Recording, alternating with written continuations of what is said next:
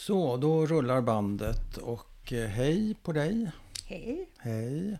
Tack för att vi har fått komma och hälsa på här i vackra Sörmland. Ska du börja med att presentera dig själv? Assa Rosenberg. Och då behöver jag ju, brukar jag ju behöva få berätta om mitt namn Assa. Det går bra. Mm. Och det har jag, pappa ville att jag skulle heta Hadassa. Mm. För det hette hans mamma, det är ett gammalt judiskt bibliskt namn. Mm. Och då sa min svenska mamma och mormor att det går inte att heta Hadassa i Sverige. Då blir det das, Dassa och Dasset. Ja. Och så blir jag retad. Ja. Och så tog de det sista. Och det är mitt officiella namn. Ja, Assa. Assa. Och det har jag ju fått förklara i olika sammanhang. Och det har jag ju förklarat massor med gånger. Och eh, jag tänker på jag som då inte är riktigt så att säga judinna har fått förklara detta alltid. Och många andra, ni heter Bernt och ni heter Göran och Bertil och allt möjligt Ja, sånt. ja. Som aldrig, det har varit lika uppenbart. Nej. Men eh, jag har ju aldrig mött någon typ av antisemitisk reaktion eller Nej. någonting sånt. Men har du ett judiskt namn också? Nej, Det här är ditt enda namn? det är Assa, Margareta. Ah, alltså, så, ja, okej. Mm. Eh, och inget judiskt sa du. Och du sa i Jo, men Hadassa är ju, eller det var ju Ja. det, det skulle ju vara judiskt. Men det fick, skulle, det skulle, ha varit. Skulle ha varit, ja. Ja, och så säger du i förbifarten, om jag uppfattar det rätt, att du inte är riktig jude. Sa du så? Nej, men jag har ju en icke-judisk mamma. Ja, men betraktar du dig som halvjude eller vadå? Jag betraktar mig som både och, eller varken eller. Okej. Pappa var väldigt klar med att vi skulle uppfostras judiskt. Ja, Och mamma hade väl tänkt att konvertera, men det blev inte så. nej. Och jag har, Varför blev det inte det? ja... Dels så separerade de ju när jag var knappt sju år gammal. Okej. Men hon var ju väldigt integrerad i den här judiska gruppen i Borås. Hon pratade utmärkt jiddisch lärde hon sig. Oj. Och det sa ju min faster Halla på senare år också att det var fantastiskt vad Kerstin pratade jiddisch och, och så. Men hon var ju, vi bodde ju i Borås och det var en stor judisk grupp. Och vi hade många vänner och största umgänget var där och det blev en dominerande del av livet tror jag. Ja, för henne? För henne eller för hela familjen. Ja. Och hon kunde känna sig utanför. Det hände att hon hörde någon prata om Goj, Ja. kanske inte om henne, men Nej. om andra och det gjorde henne Det ledsen. tog henne illa. Men kände du dig också utanför? Nej, det gjorde jag inte. Jag visste ju inget annat. Men när uppfattar du som inte helt och hållet judisk eller jude? När, är det först i vuxen ålder? Inte som barn? Det är först i vuxen ålder, delvis kan man säga. Jag hade väl tänkt att jag lätt skulle kunna bara kunna gå med att bli, vara med i församlingen eller ja, så. det. Ja. Men jag måste ju göra i så fall hela proceduren som om jag inte hade någon anknytning. En konvertering alltså? En konvertering. Och det, det ville du inte? Nej, det vill jag inte av stolthet faktiskt. Ja. För jag tycker att jag har haft en judisk pappa som var väldigt noga med att vi skulle uppfostras judiskt. Jag gick mina första skolår i Israel. Eh, Jag visste ingenting annat när jag kom tillbaka till Sverige i andra klass och eh, var med på kristendomsundervisning. Man skulle rita Jesus och någonting om Jesus. Jag visste ju inte vad det var för någonting. Nej, klart. Nej, och så att jag har väl känt att ja, vill de inte ha mig så slipp mig då. Men jag har varit med i Judiska föreningen i Uppsala. ja, där kan du vara med utan att konvertera. Ja, och jag är med i Norrköping, i Norrköpings synagogas vänförening. Ja, Där kan man också vara med. ja där får du vara med. Men eh, har du ärvt mammas känslighet för det här med vad som är judiskt och inte judiskt? Att man kan säga nedsättande att någon är goj, det vill säga icke-jud, eller shikse, det vill säga icke-judinna och sådär. Eh, Har, har den... Hon var ju känslig för det, din mamma har du beskrivit. Har det varit likadant för dig? Nej, det har det nog inte varit. Nej. För att jag tycker nog att det... Och det var, har mycket med pappa att göra när vi pratade om det. Mm. Så han hade ju en väldigt pragmatisk syn på det här. Att han tyckte väl egentligen att religion som religion, kristendomen kom från mm. judendomen mm. och Jesus, det var ju bara en profet, en av alla profeter. Mm. mm. Och eh, jag har väl fått en inställning till religion då att eh, det är ett behov som människor har. Alla religioner har mm. någonting gemensamt. Mm. Och man har kallat det för olika saker. Mm. Och man ska ha respekt för varandra. Mm. Och det är inte så viktigt att vara det ena eller det andra. Nej.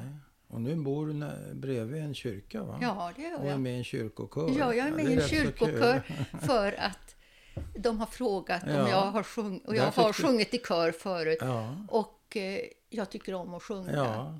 Men i övrigt är jag inte med. Och då är jag väl tvungen att gå dit ibland ja. när det är någonting. Och jag är ju inte... Eh, jag tycker om att sjunga psalmer. Mm. Och jag tycker att kyrkorummet är jättefint.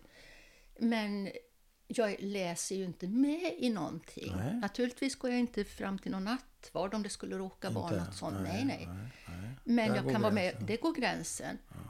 Men jag kan sjunga i kyrkokören och jag önskar att det vore så med fler att man inte skulle tycka att den egna religionen är det enda rätta. Mm. För jag tycker att det är så sorgligt att så mycket krig i världen mm.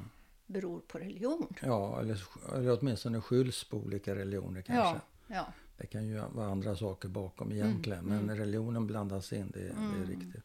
Men jag, jag funderar tillbaka till Borås där. Du sa att du var vadå, sju år innan ni flyttade från Borås? Mm. Eller, ja under de åren uppfattade du din mamma som judinna då? Eller vad var hon för det dig? Det tänkte jag aldrig på. Det var inget du funderade på? Nej, det var inget jag funderade på. Och det är inget på. de berättade för dig om heller? Nej, det berättade Jo, men jag, jag vet ju förresten att...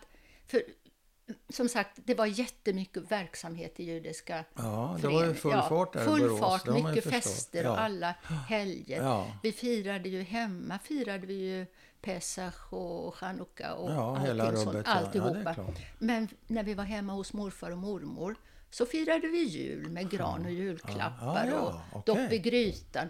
Men det var ju morfar och mormor var ju inte religiösa på något sätt och vis. Så vi, jag hade ingen känsla utav vad julen stod för. nej. Utan, det, det, var inget Jesusbarn inblandat i den? Nej, ingen krubba eller Jesusbarn nej, eller någonting. Nej. Så att nej, det tänkte nej, jag nog inte på. Nej. Och du var inga kompisar som retade för att du var inte 100% jude? Nej, men det visste väl inte kompisarna om. Snacket går väl? De kunde väl ha hört från sina, nej, det, från sina föräldrar? Föräldrarna all, visste väl det? Aldrig att det har hänt. Och som nej. sagt, senare i livet när jag har berättat om mitt namn ja, ja. så har jag heller aldrig träffat på nej. någonting. Jag har ju haft patienter som har frågat, ofta utländska ja, patienter eh, som har frågat. Och det kan ha varit från arabiska länder och så. Då har jag också berättat. Och inte någon som har reagerat på det. Nej. Problem. Eh, jag vet inte hur vi halkar in på det här riktigt, men jag, innan, vi får, innan vi fortsätter. Det var för att jag sa att jag är inte någon riktig judinna. Nej, just det. Ja. Det fastnade i mitt lilla huvud. Exakt. Och, eh, men jag skulle vilja börja om, inte för att det var något fel på den här början, men jag, det var en fråga jag vill ha med mig in i samtalet. Därför du uttryckte, om jag får tolka det, en viss tveksamhet till om du ville göra det här. Mm. Eller inte. Tidigare, alltså inte nu när vi sitter här, för nu Nej. har du ju beslutat det. Men när du tänkte på det. Och varför gör vi då det här? Ja, varför gör jag det? Kanske ja. För att min kusin Lilian har påverkat mig. Ja, som ju är med. ja, det är med. Aha. Och eh, sen för mina barns skull. Och det har väl ja. hon också tagit upp som ett skäl. Ja. Och sen kanske också för att, ja, jo men det känner jag nog att nästa generation, där är ju fler som är blandade så som jag är. Mm. Och kanske för deras skull också att jag mm. gör det. Att, att jag kan berätta om det som har kunnat kännas svårt eller speciellt mm. med att inte... Just det här att vara både och eller varken eller. Ja, just det. Mm. mm. Hur många barn har du? Jag har tre. Tre barn. Mm. Och barnbarn? Fyra. Mm. Vad, vad kommer en... Eh, vad sa du? Både och eller varken eller? Vad, kommer, vad blir det av till slut, eh, din historia? Din judiska historia, tror du, i din familj? Om du, Jag om har, ju väldigt framåt. mycket, jag har ju min bror bor i Israel. Ja. Och hans Är det Anders det? Anders, ja. Mm. Han bor ju där och har vuxit upp där. Och, eh, hans söner bor där Ja. och de har ju en judisk mamma. Ja. Eh, en av sönerna har två barn. Ja, men vi, och, och mina barn har ju, vi har ju haft väldigt tät kontakt med min bror och hans Mm. barn. Speciellt sen han, hans fru dog ju Okej. tidigt. Det visste jag inte. 1999 var det väl. Ja. Och eh, så att mina barn, har, och det, efter det, eller i samband med hennes sjukdom efter det, har vi haft väldigt mycket kontakt. Mm. Och mina barn har ju varit med på bar mitzva och bröllop, judiska bröllop där nere Ja. och har varit en hel del. Så de har väl också en stark känsla för det, de var med i Judiska föreningens barnverksamhet i Ja, ja. Uppsala. Ja. Eh, Men eh, de vet ju på något sätt att de platsar ju inte in. Jag tror att min dotter som bor i, ja, båda döttrarna bor i Malmö Ja. och den ena tog kontakt med judiska församlingen där Ja. och frågade om hon på något sätt kunde få vara, Får vara med. med. Och blev nekad. Ja. Och det tror jag, sådana saker, det, liksom, det är ju en typ av diskriminering också. Mm. Det är det ju. Som, och det smärtade nog henne tror jag. Ja. Men finns inte andra ställen. Man, man kan vara judisk på väldigt många olika sätt. Det finns kulturföreningar, det finns Jo, men det är ju som jag till exempel är med i Norrköping i Ja, den ja. här eh, synagogans ja. Hon har vänförening. inte hittat något eget där hon är välkommen. Eller gav hon... Hon gav nog upp då. Ja. Hon fick väl ett svar och hon kanske frågade på ett sånt sätt som att får jag vara med i församlingen? Jag vet inte hur hon frågade. Nej, men det får hon inte alltså. Hon uppfattade det som att hon inte var välkommen dit. Men den är väl ortodox kanske, den församlingen? Ja, jag vet inte. det? Nej, jag vet inte. Men hon uppfattade det Ja, som jag att fattar. hon inte var välkommen. Nej. Men ser du... Du har din bror sa du och, hans barn och hans barnbarn och sådär. Och där är det levande och de bor i Israel. Men om vi håller oss till din gren här. Mm. Som du är ju... Du är ju den äldsta i din gren nu, Mm. eller hur? Ja. Ja. Ser du dig själv som den sista grenen, så att säga? Den sista judiska grenen, utan att låta alltför melodramatisk. Eller hur ser du på det? Nej, Men jag tror inte att jag tycker det är så viktigt egentligen. Nej, Nej, det tycker jag inte. nej. Så det är inte, drama det är inte Det är inte dramatiskt? dramatiskt. Nej. jag skulle önska att eh, folk överhuvudtaget inte skulle tycka att religionen var så viktig. Nej, religionen, det men det kan ju vara kultur. Det kan ju vara mycket annat än, än religion. Ja, naturligtvis. Litteratur, traditioner, maträtter. Ja, ja, ja. vad Men det helst. ser jag mig som ganska mycket judiskt Ja, vad det gäller det. Okej, så det, Och det, mina barn också. så det förs vidare? Absolut, Ja, det ja, förs ja, vidare. ja, ja, ja. Den känslan, absolut. ja, ja. Och där har de ju också en absolut känsla, mina barn. Så det försvinner inte. nej, Det gör det då inte. förstår jag. Förstår du? Ja. Ja. Det Det är lite kanske svårt att Nej, förklara. men man, nej, inte alls. Men man har olika ingångsvärden i en sån här diskussion. Och för dig så handlade det väldigt mycket om det, det judendom som religion eller inte och hur den förhåller sig till folk som kommer och knackar på. I ditt fall du själv och din dotter. Mm. Och, hur ni, och hur ni stöts bort faktiskt. Men sen finns det ju många andra aspekter på det. Och det, det verkar ju ha ett mer levande... Där kan du ju ha ett levande Absolut, förhållande till det. ja. Därför det kan du, kan du göra på egna villkor. Du behöver inte knacka på och fråga Nej, om, nej, nej. om du får göra en chall eller göra vad du nu ska Nej, göra. nej, nej. Gefilte fish eller eh, sjunga. Mm. någon låt. Det gör man ju själv. Det bestämmer man ju själv. Och som sagt, Så jag är med att fort, förstå. trots att jag inte har bott i Uppsala på över tre Ja. år så är jag med i föreningen där. Ja, Och det är ju in- fint. Ja, för att jag tycker det är viktigt att Ja. Stötta. Men det är ju ingen församling, utan det är Nej, ju det är en en förening. förening, mer som har med kultur och så att göra. Mm, jag fattar. Många utav mina vänner Ja. är judiska. Då undrar jag, eh, ska vi börja med dig, lilla Assa? Eller ska vi börja med dina föräldrar? Eller fortsätta kanske än bättre, för vi har ju redan eh, pratat lite ett tag, du och jag. Men jag tänker historien, ska, hur vi ska... Ja, historien, Hur vill du man kommer ju inte ifrån att jag är eftersom jag är överlevandes barn så är jag ju min pappas dotter. Ja. Och pappa, som kallades Nattek, heter Naftali. Ja, Natek. Ja, eh, Rosenberg. Kom från, Kom från Lodz i Aha, Polen. Han var, som- ja, som så många andra. han var född i en liten by som hette Vidava. Och eh, där var hans pappa, hade någon typ av skogsägare eller sågverk eller någonting sånt. Ja. De var fyra bröder i familjen.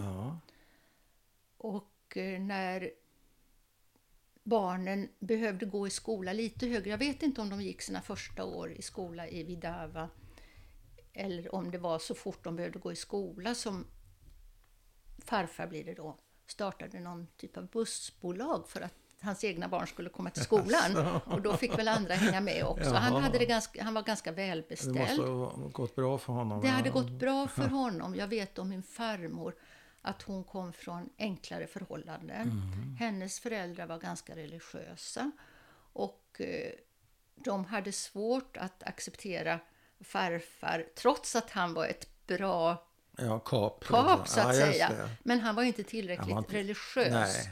Han hade varit något av en playboy tidigare Ja. sades det och när han träffade farmor då liksom Ja. då var det rätt. Så Jag kommer ihåg att pappa sa att när hans då mormor och morfar, om de kom på besök, Mm. så satt de i köket. De ville inte gå in, de ville inte äta egentligen. Nej, därför det var väl inte tillräckligt där? Nej, det var inte Nej, tillräckligt nej, nej, kosher de för var dem. strikta. Så de var strikta. Ja, ja. Och egentligen har jag inte funderat så länge på var de bodde, om de också bodde i Vidava. Och generationen tidigare har jag inte funderat på. Mm. Nej. Nu kan man ju i dessa Google-tider slå upp, så jag har faktiskt googlat på Vidava och sett ja. lite. Jag har varit på besök där. 1976. Oj, det var tidigt. Ja, då sökte jag ett stipendium över en sommar och var i Lodge i en månad. Och fick skjuts till Vidava. Och då levde ju pappa så han hade ritat en karta och berättat var de hade bott och så. Men jag var inte säker på att jag hade hittat rätt. Det kan vara så att deras hus hade blivit polisstation eller något. För det var ett av de få husen, berättade han, som var tvåvåningshus. Annars var det väldigt mycket låg bebyggelse. Ja, Var, det, var det stenhus? Det det tror jag väl att det var, ja. Men som sagt, där bo... först startade han bussbolaget. Ja.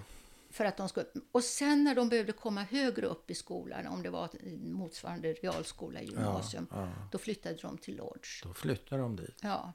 Och då gick väl pojkarna... Ja, då hade pappa en äldre bror, ja. Mhm. Och han, och de gick, tror jag att det var ett judiskt gymnasium, de blev flera. Och då startade farfar någon typ av textilindustri. Och det var meningen att alla pojkarna skulle jobba inom den. Den äldste sonen Salek skulle sköta ekonomi och administration och sånt. Så att han gick på universitet i Warszawa. Pappa skulle ägna sig åt att färga, om det var tyger och garner och sånt. Så han gick ju på teknisk högskola. Han var, pappa föddes 1917. Okej. Så han, han, han var ju då 22 när kriget bröt ut. Och han var väl nästan färdig motsvarande civilingenjör då i kemi och, och sådana saker. Och brors, dina andra farbröder, vad skulle De de, andra användas till? till, var, då var det David som kom näst. Han var, David var sex år yngre än pappa. Ja. Så han hade ju Så inte hunnit inte så komma så långt långt, gångna, då. nej, Nej. nej. Eh, Okej. Han var väl fortfarande bara i gymnasieålder. Det var nog tänkt att han skulle vara kanske något mer åt det konstnärliga eller Ja, ja, skrivande. ja. Jag vet Men inte. Det fanns planer för alla fyra pojkarna, det är Ja. tydligt. Det fanns det. De skulle väl ta hand om försäljningen också, gissar. Ja, det kanske... Men ja, jag vet inte. Nej, nej. Om det var den äldste. Jag, jag Ja, vet inte nej, riktigt. Nej. Men sen, eh, vad hände sen? Ja, vad händer sen? Är det kriget vi är framme vid? Ja, dels hade vi, kan man väl säga att pappa redan då han att ha sällskap med den här Antja som var en pälshandlardotter, vet jag. Alltså inte din mamma, Inte mamma, givetvis. Nej. Och eh, sen var det ju gettot. Mm. Och farfar dog under gettotiden. Han dog där. Mm. Svalt han Blev, eller nej, han blev sjuk. Jag har hört eller? olika. Jag har hört att han kanske hade bröstcancer. Det Ja. hände ju män också, men jag är inte säker nej, på det. Nej, men han blev sjuk och dog. Han blev sjuk och dog. Den äldste sonen var i Warszawa och var troligtvis med i Warszawaupproret, försvann där. Och sen var det pappa och hans yngre bror David Mm. kvar. Pappa förresten skadade sin hand under gettotiden. Mhm. Han eh, arbetade med någon matsefabrik. Fick in de här lillfinger och ringfinger Ja. på vänster Ja. hand i någon, så, och trasade sönder dem totalt. Och då hade han tur att ha någon god vän som kunde lappa ihop det i alla fall. Och, men efter det kunde han bara böja så här. Oj. Och eh, Vad sa du? En Mats, alltså de gjorde matser de där? gjorde matse Ja, under, i, gettot. I gettot. Och- eller Pesach, då får Ja, man och förmoda. hur, att det kavlas ut och Ja, stansas. ja, jag vet inte. nej, och på något sätt hade han Kommer fel där kommit fel sätt. och skadat sig. Och ehm, han hade tidigare spelat fiol. Eh, och varit med i någon orkester Ja. tror jag också. Det, det kunde det. han ju aldrig riktigt. Och sen Nej. ville han ju att jag skulle bli, ta över det.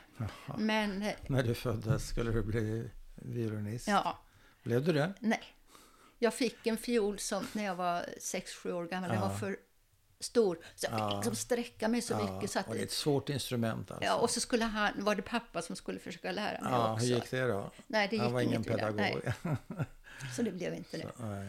Men har han inte, har vi inte tappat bort Jo, nu har vi tappat bort. brorsa, va? Eller?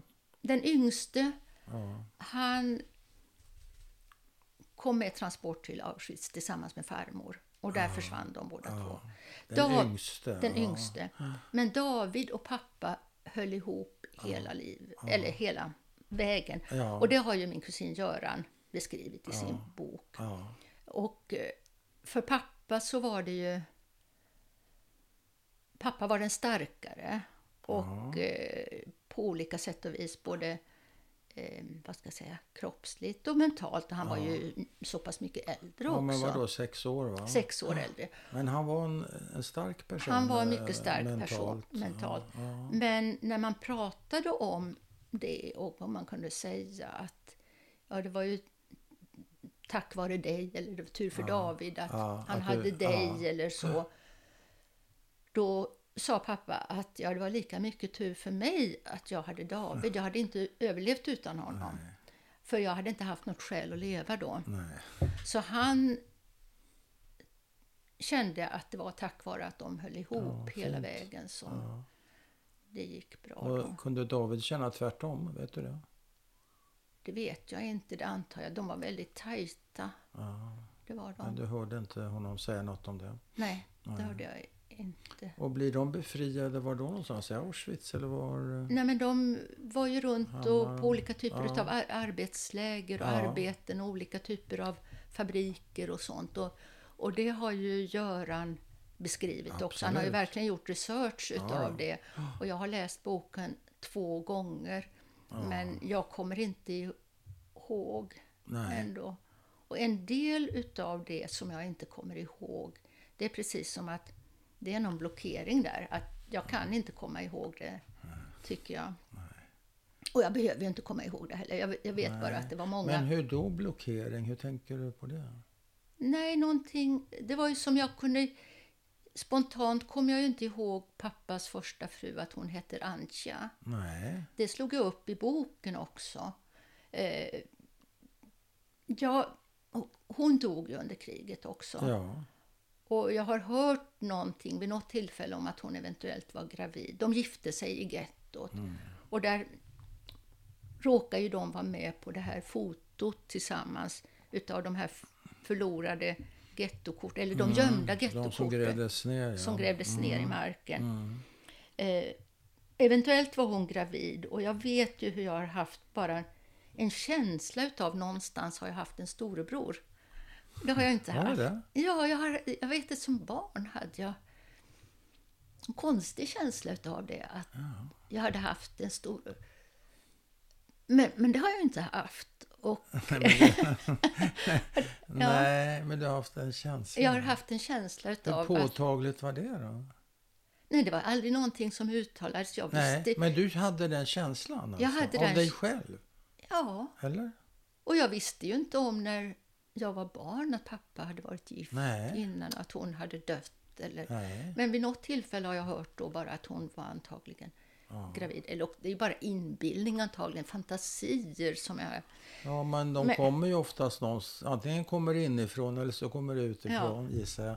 Men eh, hur, hur tolkar du själv det där? Är det, är det vad heter det, psychic? Heter det så Nej, på det tror svenska? jag. Synsk. Ja, synsk, Nej, det tror, tack. jag, det tror jag Inte alls? Nej. nej. Och sen har jag ju, ja det är väl viktigt också, det jag, jag har ju hört en hel del, varit medveten om det här med kriget Mm. och eh, pappas bakgrund.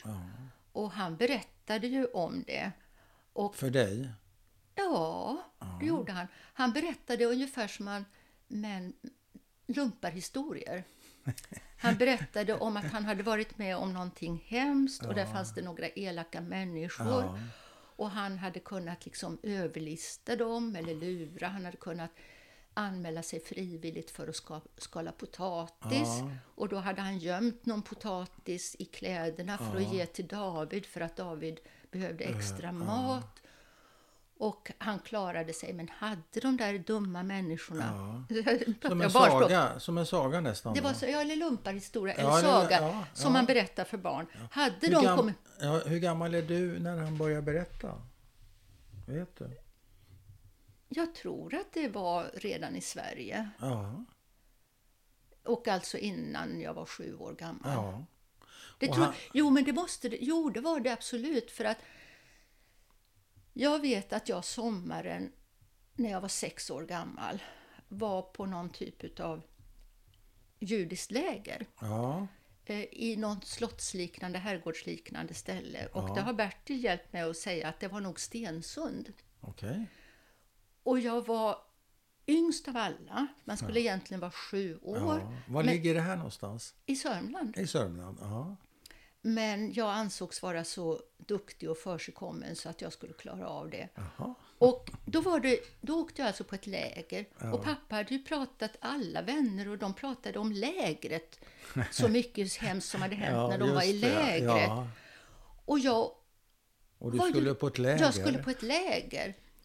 Så jag förväntade mig ju hela tiden att det skulle hända något hemskt Ja. där. Och jag tyckte att de var så snälla och det var så trevligt. Och Men så när ska det här När hemska... ska det hemska Ja, börja? ja. Så var det Wow. där. Men kunde du koppla av till slut? Eller Det var hela vistelsen liksom en väntan Det på... vet jag inte. Där har jag ju också bara glimtvis minne. Jag, menar, jag, jag var sex år gammal, man kommer inte ihåg. Hur långt var lägret? Kanske en vecka. Ja, okej. Och jag Och- förstår egentligen, när jag tänkt tillbaka på det, förstår jag inte att jag skulle ha varit där då. Eh, Men om det var från Södertälje, jag fick åka, vi var ju ofta i Södertälje Ja. hos eh, eh, farbror? farbror och faster och sådär. Men b- hur blev upplevelsen för dig den här veckan? Minns du något? Jag kommer ihåg att det var trevliga saker. Jag kommer ihåg att på shabbat så var det jag som skulle få någon ära att tända ljus eller något, för jag var yngst av alla och sånt. Så det fanns positiva Och så kommer jag ihåg att vi badade, det låg precis vid en sjö. Men så kommer jag ihåg den där smygande känslan utav att när kommer det här Ja, hemska? som pappa har berättat. om. Ja. Men hade du hemlängtan? Han du få det? Det Ja, det hade jag väl kanske, antagligen. Men du vet inte. Det vet jag inte riktigt heller. Vem var det som drev det? Var det församlingen eller var det något? Ja, det var det väl antagligen. Ja, och jag tror, det kan ju inte ha varit andra boråsare med, för bland boråsarna kände jag ju många som Ja. var något år äldre eller jämnåriga med mig. Mm. Men jag har en känsla av att jag inte kände någon Nej. där. Så det fanns även läger eller kollovistelser närmare Borås egentligen? Ja, jag vet inte. Men jag har ju pratat med Bertil om det. Han har varit på Stensund. Och Han har det tror- också? Ja, Okej. Men han, vi tror inte att vi var där samtidigt. Eller också var vi där samtidigt. Ja, just det. Och så eftersom man kanske delade upp flickor för sig och Så pojkar det- för så sig det med vissa varit. saker Ja, åtminstone. Att man bodde separat. Att man ändå inte hade Eh, Men var det här ett, eh, kanske svårt för dig att veta idag, eh, men var det här ett läger för fattigare familjer så att säga? Eller var nej, inte det någon tror sån jag nog inte. var ingen utan det var väl profil? mer att man skulle Man skulle ut på landet? ut på och, landet och kanske känn, stärka den judiska Ja. identiteten Ja, ja, eller ja, någonting sånt. sånt. Okej, men eh, du säger att pappa berättade det här som eh, lumparhistoria. Eh, Blev det en bra grej för dig att han, att han kunde berätta om det på det här sättet? Eller blev du skrämd? Förutom det här att du själv åker till ett läger, vilket är en olycksalig Mm. sammanblandning. Men när du är i hemmiljö, eh, landar det här på ett bra sätt, hans lumparhistorier? Eller är det jobbigt? Nej, men det, var, ja, det kommer jag inte ihåg. Men däremot så användes det ju väldigt mycket i uppfostran. Jaha, För att eh, för papp, det pappa berättade så var det ju lite grann hjältehistorier hur han ja, just det. hjäl- lyckades tillsammans med sin bror överleva Ja. och hur han som äldre bror tog hand om sin yngre bror Ja, och tog risker för sin yngre just bror. det. Och jag har ju, min bror Anders är ju ett och ett halvt år yngre. Mm. än vad jag är. Och det var ju väldigt tidigt liksom inpräntat i mig att jag skulle ta hand om honom. Och det var Ja. jag som skulle vara den kloka och förståndiga. Och Ja. om han, Anders eventuellt hittade på något hyss, då var det egentligen mitt fel för att jag inte hade sett till honom ordentligt. Så att Okej. det, det blev väldigt starkt det här i- att man som äldre syskon Ja, du skulle ta över pappas roll då, lite grann. Ja, det, det var liksom... Det viktiga som ett äldre syskon var, det var- var att ta hand om sin Mm, den lille, yngre. den yngre. Hur blev det då för dig? Ja, det är väl som jag har sagt efteråt att jag... Jag har väl inte känt mig som barn särskilt länge. Jag kände mig nog bara som barn fram till fem, sex någonting. Oj. Sen Sen- började ditt vuxenliv. Ja. Och det har ju tyvärr då gjort att jag har haft förväntningar tror jag på mina egna barn. Att Samma Ja. sak. samma sak från att de har varit sju ungefär. Så jag nog haft ja, för så var det för dig och så, Så var det för, mig. pappa kanske. Ja, Och så. Ja. Och Så det har gått i arv alltså? Ja, och det är inte förrän jag har fått barnbarn faktiskt som jag inser hur svår de är. Ja, hur små de är. Det Det är är de. sant. Och delvis var det också så att jag insåg det när min svägerska Anders fru blev ju sjuk i Ja. leukemi. Ja, Och då var deras yngste var bara fem och ett halvt. ja, det är inte Och den gammal. äldre var över 13. Han hade haft Ja. sin bar mitzva redan. Ja, Och då blev det också, då blev första gången det gick upp för mig hur lite, ja, risken att Anders skulle bli ensam ja, med barnen. Och jag tänkte på att lille David då ja, bara var fem och ett halvt. ja. Din farbror alltså.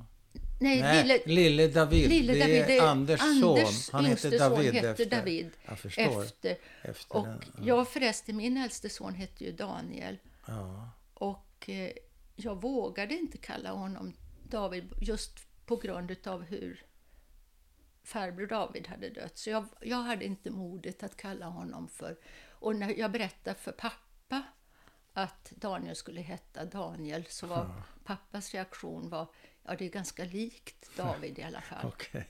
Så det var väl Det en var ju bes- rätt så bussigt, eller? Ja, så det var väl en besvikelse. Pappa hade förväntat sig Ja. att han borde ha hetat David. Ja, men din farbror tar livet av sig ja. och du är skraj för att om din son får heta David. Nej, men jag, Nej. på något sätt att jag skulle... Eh, jag var väl rädd för att jag skulle behöva berätta om Ah, eh, min farbror David och så skulle jag behöva berätta om att han Ah. dog så tidigt. ja, Och så skulle jag berätta om varför och Ja. hur han dog. Och det vill du slippa. Det Jag ville- slipper du genom genom ett annat namn. Ja. Då kan det komma i sinom tid, så att säga. förstår. Va? Det behövde inte komma lika Nej. tidigt som det skulle ha gjort annars. Och eh, så, så det vågade jag inte. Men Daniel valde jag delvis genom att läsa Bibeln. Och så, Jaha. eh, jag ville ha ett internationellt namn eftersom pappa Ja. eh, bodde i Israel och min bror. Och Daniels pappa från Mexiko så ville jag ha något som gick. Och då, Ja. eh, Daniel är bra. Daniel är väldigt bra, så tycker jag väldigt bra om historien där om Daniel i lejongropen. Ja, Så, så du gick till din heliga skrift, du som inte är religiös? ja. Jo, men det Det skulle du passa. Ja, i, inom olika religioner och olika Men har du dåligt samvete för att du har fört det där i arv till dina barn? Du beskriver att när de är fem, sex, sju år gamla, men då är de vuxna, då kan de börja ta ansvar på samma sätt som jag fick göra, på samma sätt som min pappa fick göra. Har det... Ja, pappa var ju äldre när han fick Ja. ansvar. Men, Ja, men jag, menar, ja, jag upp, men- fick uppfatta väldigt tidigt att jag skulle ta väldigt stort Ja, ansvar. ja. Och, jo, men det, det kan jag ha dåligt samvete Du för inför som- mina ja, det- barn. Ja, Att jag...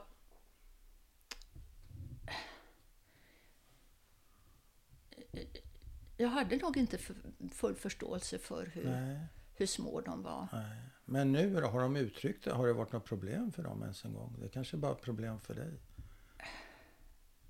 Nej, men vi har nog kunnat prata om det, men de har absolut inte anklagat mig för Nej, det. det. Det har de inte gjort. Nej. Men jag har nog mer kunnat be dem om ursäkt. Jag har kunnat eh, prata med dem om att Ja. nu när jag har sett, jag har ju ett barnbarn som är nio och en som är sju. Ja. Så att de Men du andra är visste ju mindre. inte bättre. Nej, jag visste inte. Du hade- Sen förstärktes ju det då när mina föräldrar separer, skulle separera Ja. när jag var sex sju år. Ja, okej. Och då blev det ju bestämt så att pappa skulle ha hand om Anders och mig. Ja, Pappa ville flytta till Israel. ja. Och eh, det har jag ju fått förklarat. Mamma sa då att hon tyckte att han hade förlorat så mycket genom under kriget. Ja. Så han skulle inte förlora oss också. Nej. Så, och det låter ju storsint. Det gör det verkligen. Var Men- det det? Jag vet inte om det bara var storsint eller om, det också var någon slags hot eller rädsla i det också för att han sa att fick han inte ta hand om oss då var inte livet värt att leva eller något att hon var rädd att det Så skulle det fanns hända. ett hot där? Jag vet en- inte hur mycket hot Nej. och hur mycket storsinthet det var. Nej. Men sen kan man väl säga att Och varför skiljer de sig? Vet du det? Det har jag ju också hört mer från mamma. Dels Ja, var det ju stor åldersskillnad.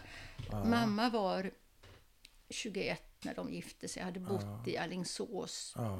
Då bara vuxit upp där väldigt skyddat. Mm. Och eh, fick, jag föddes nio månader efter att de gifte sig. Ja. Och hon var ung mamma, så att säga, 22 år gammal. Hur träffas de? De träffades genom att pappa jobbade på bomullsväveri. De var ju en stor grupp då med överlevande Ja. som kom till Borås. Det, bodde på, på- samma ställe, bodde på Alingsås bomullsväveri. Ja. Mamma jobbade på kontoret där då. Ah. Hon kunde ju tyska dels. Och så ville de ha någon eller några frivilliga som skulle hjälpa den här gruppen att lära sig svenska. Och mamma anmälde sig. Och eh, då var det mormor och morfar tog med, tog emot hela gruppen i princip, tror jag. Väldigt många eh, hem hos sig. Oj, vad fint. Ja, det var jättefint och de, i vissa fall kallade de eh, mormor och morfar för mamma och pappa. Liksom det blev. Och Ja. eh, de hade ett eh, tvåfamiljshus. Och på andra våning då, där det var en lägenhet, där bodde nog mamma och hennes syster i ena rummet. Men ett rum och kök hyrde de ut till ett av de judiska paren också. Ja, ja. Så att det blev ett sånt ställe där de träffades och Ja, umgicks väldigt ja. mycket. Ja, ja. Och så småningom så uppstod ja, tycke då mellan mamma och Ja. pappa. Hur många år är det mellan dem? Det är nio Okej, ja, år inte... mellan dem. Ja, men pappa hade ju upplevt, det är så att Ja, han var ja. nio år äldre. Han var äldre än bara nio år, Ja, precis. Och hon... Var han gammal, tror du, till... Nej, han var inte gammal till. Mentalitet? Nej, nej, Nej, absolut inte inte. Utan de var ju, han var ju väldigt sprallig av sig. Ja, okej. Och speciellt han och David tillsammans. Ja, de hittade kul. ju på bus och grejer och skojade med oss. De kunde mitt i sommaren klättra upp i ett träd och komma ner och ha, vars, ha en apelsin i fickan och säga titta här vad jag plockade åt er. Och vi gick ju på det. och. Och, vi, och klättrade upp i en björk. Och så. Underbart. Ja, de, nej, men de var väl jättespralliga. Roliga. Ja, och det, det var den spralliga sidan kanske. Jo, men han var allmänt sådär lättsam. Och, och som sagt, att hans sätt att berätta, det var ju mycket som om det vore lumparhistorier och, och så. Men vad hände mellan mamma och pappa då? Varför tar det slut? Vad har mamma sagt? Ja, vad hon sa var väl att det här judiska livet eller gruppen kanske tog överhand för mycket Ja, ja. över vanligt familjeliv. Ja, Och att det blev mycket sånt umgänge eh, då. Och att hon kanske kände sig utanför också. Och sen hade väl pappa ett nu skulle man säkert säga att han kanske hade posttraumatisk stresssyndrom Sä- eller någonting. Säkert. Eller hur? För det, det pratades ju inte Nej, det om. fanns Det inte. fanns ingenting. Och hur yttrar sig det då? Nej, men han kunde ju vara lite lynnig, han kunde bli arg, han kunde få Mm. utbrott och, och sådär. va. Vad kunde han bli våldsam också? Eh, Fysiskt? inte mot henne tror jag aldrig att Nej. hon Mot han dig? kunde, eh, mot, Vi barn var ju rädda att vi man kunde få stryk. Ja, Och eh, det var, kunde hända, och det, jag tror, vet inte om jag råkade ut för det, men jag var väldigt rädd för att råka ut för stryk. det fanns Så jag i blev- luften Det liksom. fanns i luften. Ja, Men hör- Anders, då var det stor scen alltså. Då var det, får jag inte flytta på mig. Nej, Men då då- var det eh, ligga knät. över knäna, Ja. dra ner byxorna. Ja. Och så slog pappa på sin egen hand alltså. Jaha. Han la sin hand på rumpan Ja, och så ja. slog han på Ja, det. ja. Och så lät det ju så. Och vi skrek som både Anders och jag, Jaså? som stuckna grisar för vi tyckte det var, Det var förskräckligt. Det var så otäckt. Jag Och vad fatt- kunde han ha gjort då, då för att få en sån där... det vet jag inte, det kommer Det jag inte ihåg. inte, nej. Det har du kom- glömt. Det har jag glömt. Men du klarar det? Jag klarar mig. Så att jag blev ju en väldigt sån här eh, beskedlig, hämmad varelse. Ja, du som du skulle ta- kände av att eh, Ja. vad som var i görningen liksom. Ja. Det Men sen, sen tillbaka till det här. Då. Ja. Sen flyttade vi alltså till Israel när jag var... Men ni, de skiljs då? Ja, och Och det, då, är kärleken slut mellan dem tror du? antagligen inte. Det kommer vi till sen Jaha, också, för de okej, gjorde ett förlåt. nytt försök. Ja, för, Nej, men eh, vi... Eh, och vilket år är, är 1955, i början av mars. 55 flyttade. Och vart kommer ni då? Då åkte vi tåg genom ner förbi Paris och Ja, Marseille och ja. båt från Marseille till Israel. Mm, Haifa eller Tel Aviv? Eller Antagligen Haifa en- tror jag. mm. Och första anhalt var att vi fick bo i någon sån här liten eh, träs... Vad, vad heter de? Sniffstiffeln? Ja, någonting. så här- Vadå för Nej men någonting det var någon litet... eh, En barack, lägel- eller En vad? liten barack, ja. Ja, Där vid... eh, vid hamnen rent utav? Eller Nej, kommer man en bit? norr om Haifa Ja, fanns det Haifa. några såna här små samhällen där Ja. de hade några baracker. Ja, är det för ny, nyanlända alltså? för nyanlända. Ja, okej. Men väldigt snart, och jag inser hur kort tid allting var, då fick vi komma till kibbutz Orsa som ligger också norr om Haifa. ja. Och där hade pappa minst en väldigt nära god vän, Icka, som var äldre än vad han själv var. Kanske tio år äldre. Som Mm. Är hade det här en man vi pratar En man, om? ja. ja. Och han hade familj också. Barn sen förut. Jag tror han hade undblivit. Och nu har jag ju läst på inför, kibbutz, inför det här samtalet. Jaha, det, och kibbutz. Orsa grundades 1937 Ja. redan. Och den här mannen som pappa kände hade varit där redan före kriget. Så han Ja, ja. tillhörde väl kanske grundarna då. Och pappa var ju med i Lodge i någon sån här sionistgrupp Just det. var det Hanoar Hatzair eller någonting Mm. sånt här. Eh, som var mer åt vänster Ja. och kibbutztanken fanns Det ju. var Så att, ju vänster väldigt mycket. ja, eller var- det var inte den, ja, nu läste jag ju på den så har jag glömt, det finns ju två olika. Men det var inte den mest vänsterartade utan hur som helst. Och pappa hade väl tänkt antagligen att utvandra till Israel redan tidigare. Ja, Trots farfars eh, planer på att de Ja, skulle just överta- det. Ja, Ja, jag ja. vet inte. nej. Åtminstone hade han funderat på det. Ja, Och då kom vi till kibbutzen och pappa ville bli medlem. Jag har minne av att vi fick bo i det här barnhuset, ja, så att säga, ja, sov ja. där på nätterna. Barnen sov separat Ja. från föräldrarna. Ja. Eh, Kommer du ihåg första natten? nej, Det gör du inte? nej, Hur gammal är du? Sju år. Ja, du kommer inte, ihåg, kommer inte ihåg någonting av det? Jag kommer ihåg att vi bodde där och var där. Ja. Men jag kommer inte ihåg precis första natten. Jag, menar, jag hade varit med om så mycket, varit med om att åka tåg genom Europa, Ja. se ett eh, sönderbombat. Ja, men saknar du mamma? Det kommer jag inte ihåg heller. Nej. Det kommer jag inte ihåg. Var det, en kul, var det en kul resa? Var det liksom det var lite spännande. Vi bodde hos goda vänner i Paris Ja, och åkte taxi eh, runt och de letade. Och jag Ja. såg Eiffeltornet Ja. i mörkret, någonting. Och båtresan har jag glimtvis minnen utav, Okej. men annars kommer jag inte ihåg. nej. Och ni kommer dit och han vill bli medlem då? Ja, För, för sig Och då er? togs det upp på ett medlemsmöte och skulle röstas. Men han blev nekad. Jaha. För han, eftersom han kom som ensam vuxen med två barn. Ja, De tyckte att de behövde ha två vuxna som skulle vara arbetskraft Ja. där. Så att det han var för fick, mycket kostnad för kibbutzen med två ungar. ja kanske inte kostnad, för Eller brist på arbetskraft. Då. brist på arbetskraft var det väl mer då. Ja, ja. Men det, Så då kom vi efter, så ni blev avvisade där? vi blev alltså? avvisade. Och jag Och vet du hur pappa tog det? Nej, Nej, det vet jag inte. Nej, det har jag väl fått höra efteråt att det var på det sättet. Ja. Och det måste ju ha varit väldigt kort tid på varje ställe, kanske max en vecka Ja. först i den här baracken Ja, och sen och någon sen vecka på kibbutzen. kibbutzen.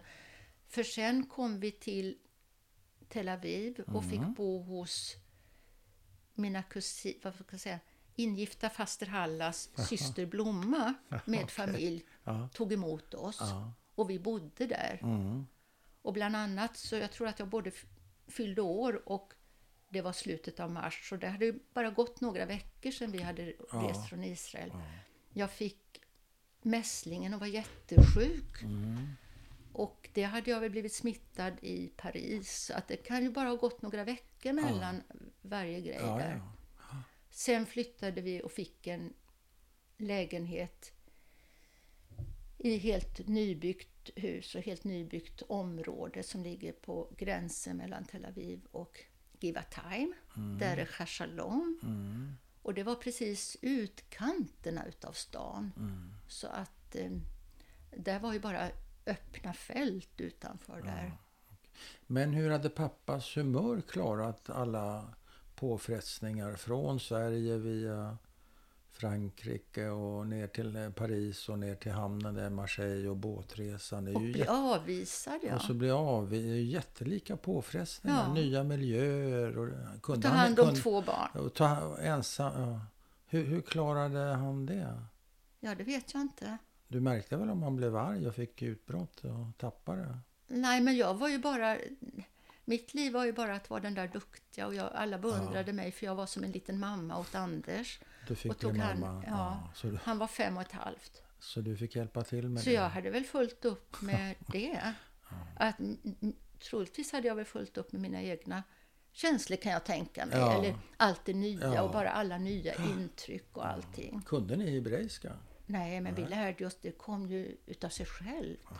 Sen fick jag börja, jag hann att börja första klass i Israel. Ja. Började de skolan när de var sex. Ja. Så jag fick ju gå sista ett par månader då i deras första klass. Ja. Bara hoppa rakt in. ja.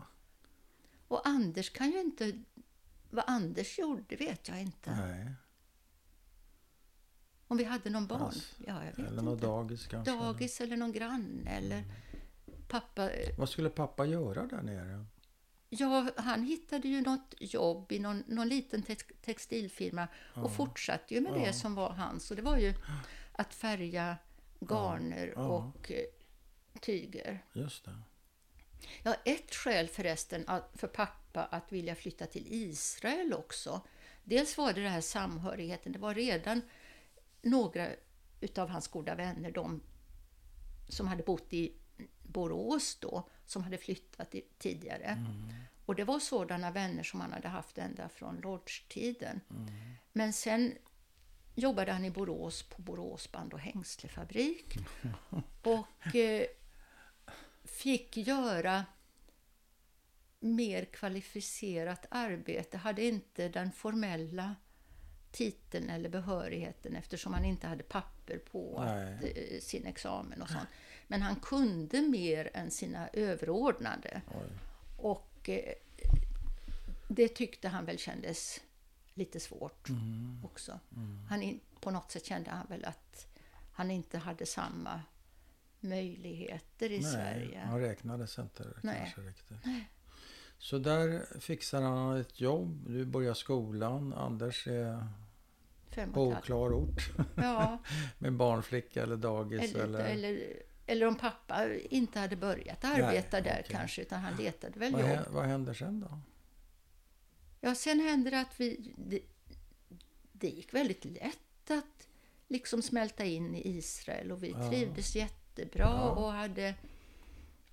Eh, jag, menar, jag har bilder här och kalas och sånt där. Och Ja. det fanns ju folk som ställde upp och att pappa var ensamstående pappa där. Ja. Det gick ju jättebra. Det fanns ju eh, de här... När det var kalas så fast var det ju Blomma som ställde upp och den här före pappas före detta svägerska Mm. som ställde upp och grannar som ställde upp. Och, ja, vi hade det jättebra. Väldigt omhuldad kände man ju sig som Mm. Som barn. Och, Mm. eh, och vi var där till Suezkrisen, 56. 56 november var det väl. Ja. Då blev pappa, och jag har ju minnen av kriget, och gick vi inte i skolan och det var flyglarm och, och så. Och vi barn fick hjälpa till att fylla sandsäckar och, och sätta upp och man fick vakna mitt i natten och springa ner och, och så. Då var pappa rädd att det skulle gå illa. ja. Så han skickade hem oss till Sverige med flyg, Själva? själva. Oj. Och eh, Är det ett eh, direktflyg eller nej? Nej, mellanlandning i. Köpenhamn. Ja. Och där har jag vagt minne av hur eh, Anders hade somnat och någon flygvärdinna bar honom och sådär. Och det, alla flygvärdinnor var blonda och hade dräkt på sig. Ja. Och så hade de håret uppsatt i svinrygg. Ja. Och sen när vi kom fram till Göteborg, november, det var ju mörkt och sent och, och så. Så var det någon kvinna där som var blond och hade dräkt på sig och svinrygg. Och, det var ma- och vi kunde inte känna igen mamma. Oj. Efter hur många år är det Efter här? ett och ett halvt år drygt så Du kände inte vi igen, igen? mamma. Hon ser ut som en flygvärdinna. Hon, vi trodde att det var en, ja, hon såg ut som en flygvärdinna. Och tidigare hade hon haft kortare hår. Och, nej, men det, på den tiden man hade ju inte, det var inte så lätt att hålla kontakt. Vi hade ju Nej. inte telefon i Israel. Nej. Mamma hade, I Borås hade vi haft det, men vi hade inte pratat med henne på ett och ett halvt år. Och eh, vi kände, när vi kom sen till lägenheten i Borås där vi hade bott, Mm. då såg vi att det var vår lägenhet. Så lägenheten kände vi igen. Ja. Morfar och mormor kände vi igen. Ja. Men mamma kände vi inte igen.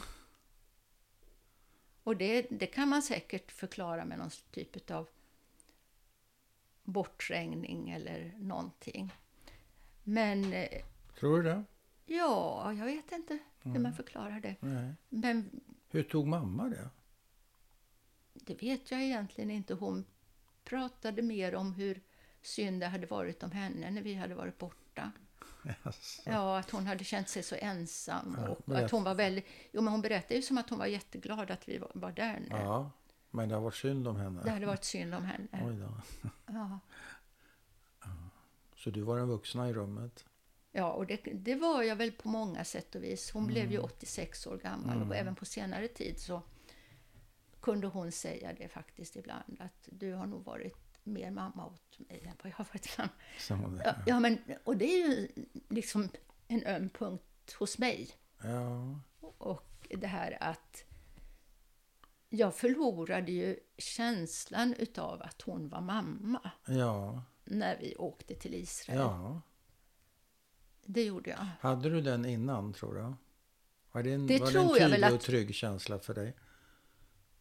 Det har jag inte tänkt så mycket på. Nej. Pappa var den eh, viktigare som förälder Ja. kanske alltid. Han kanske tog lite mer plats? Han tog pappan. väldigt mycket plats som förälder och var den trygga punkten så att säga. Ja.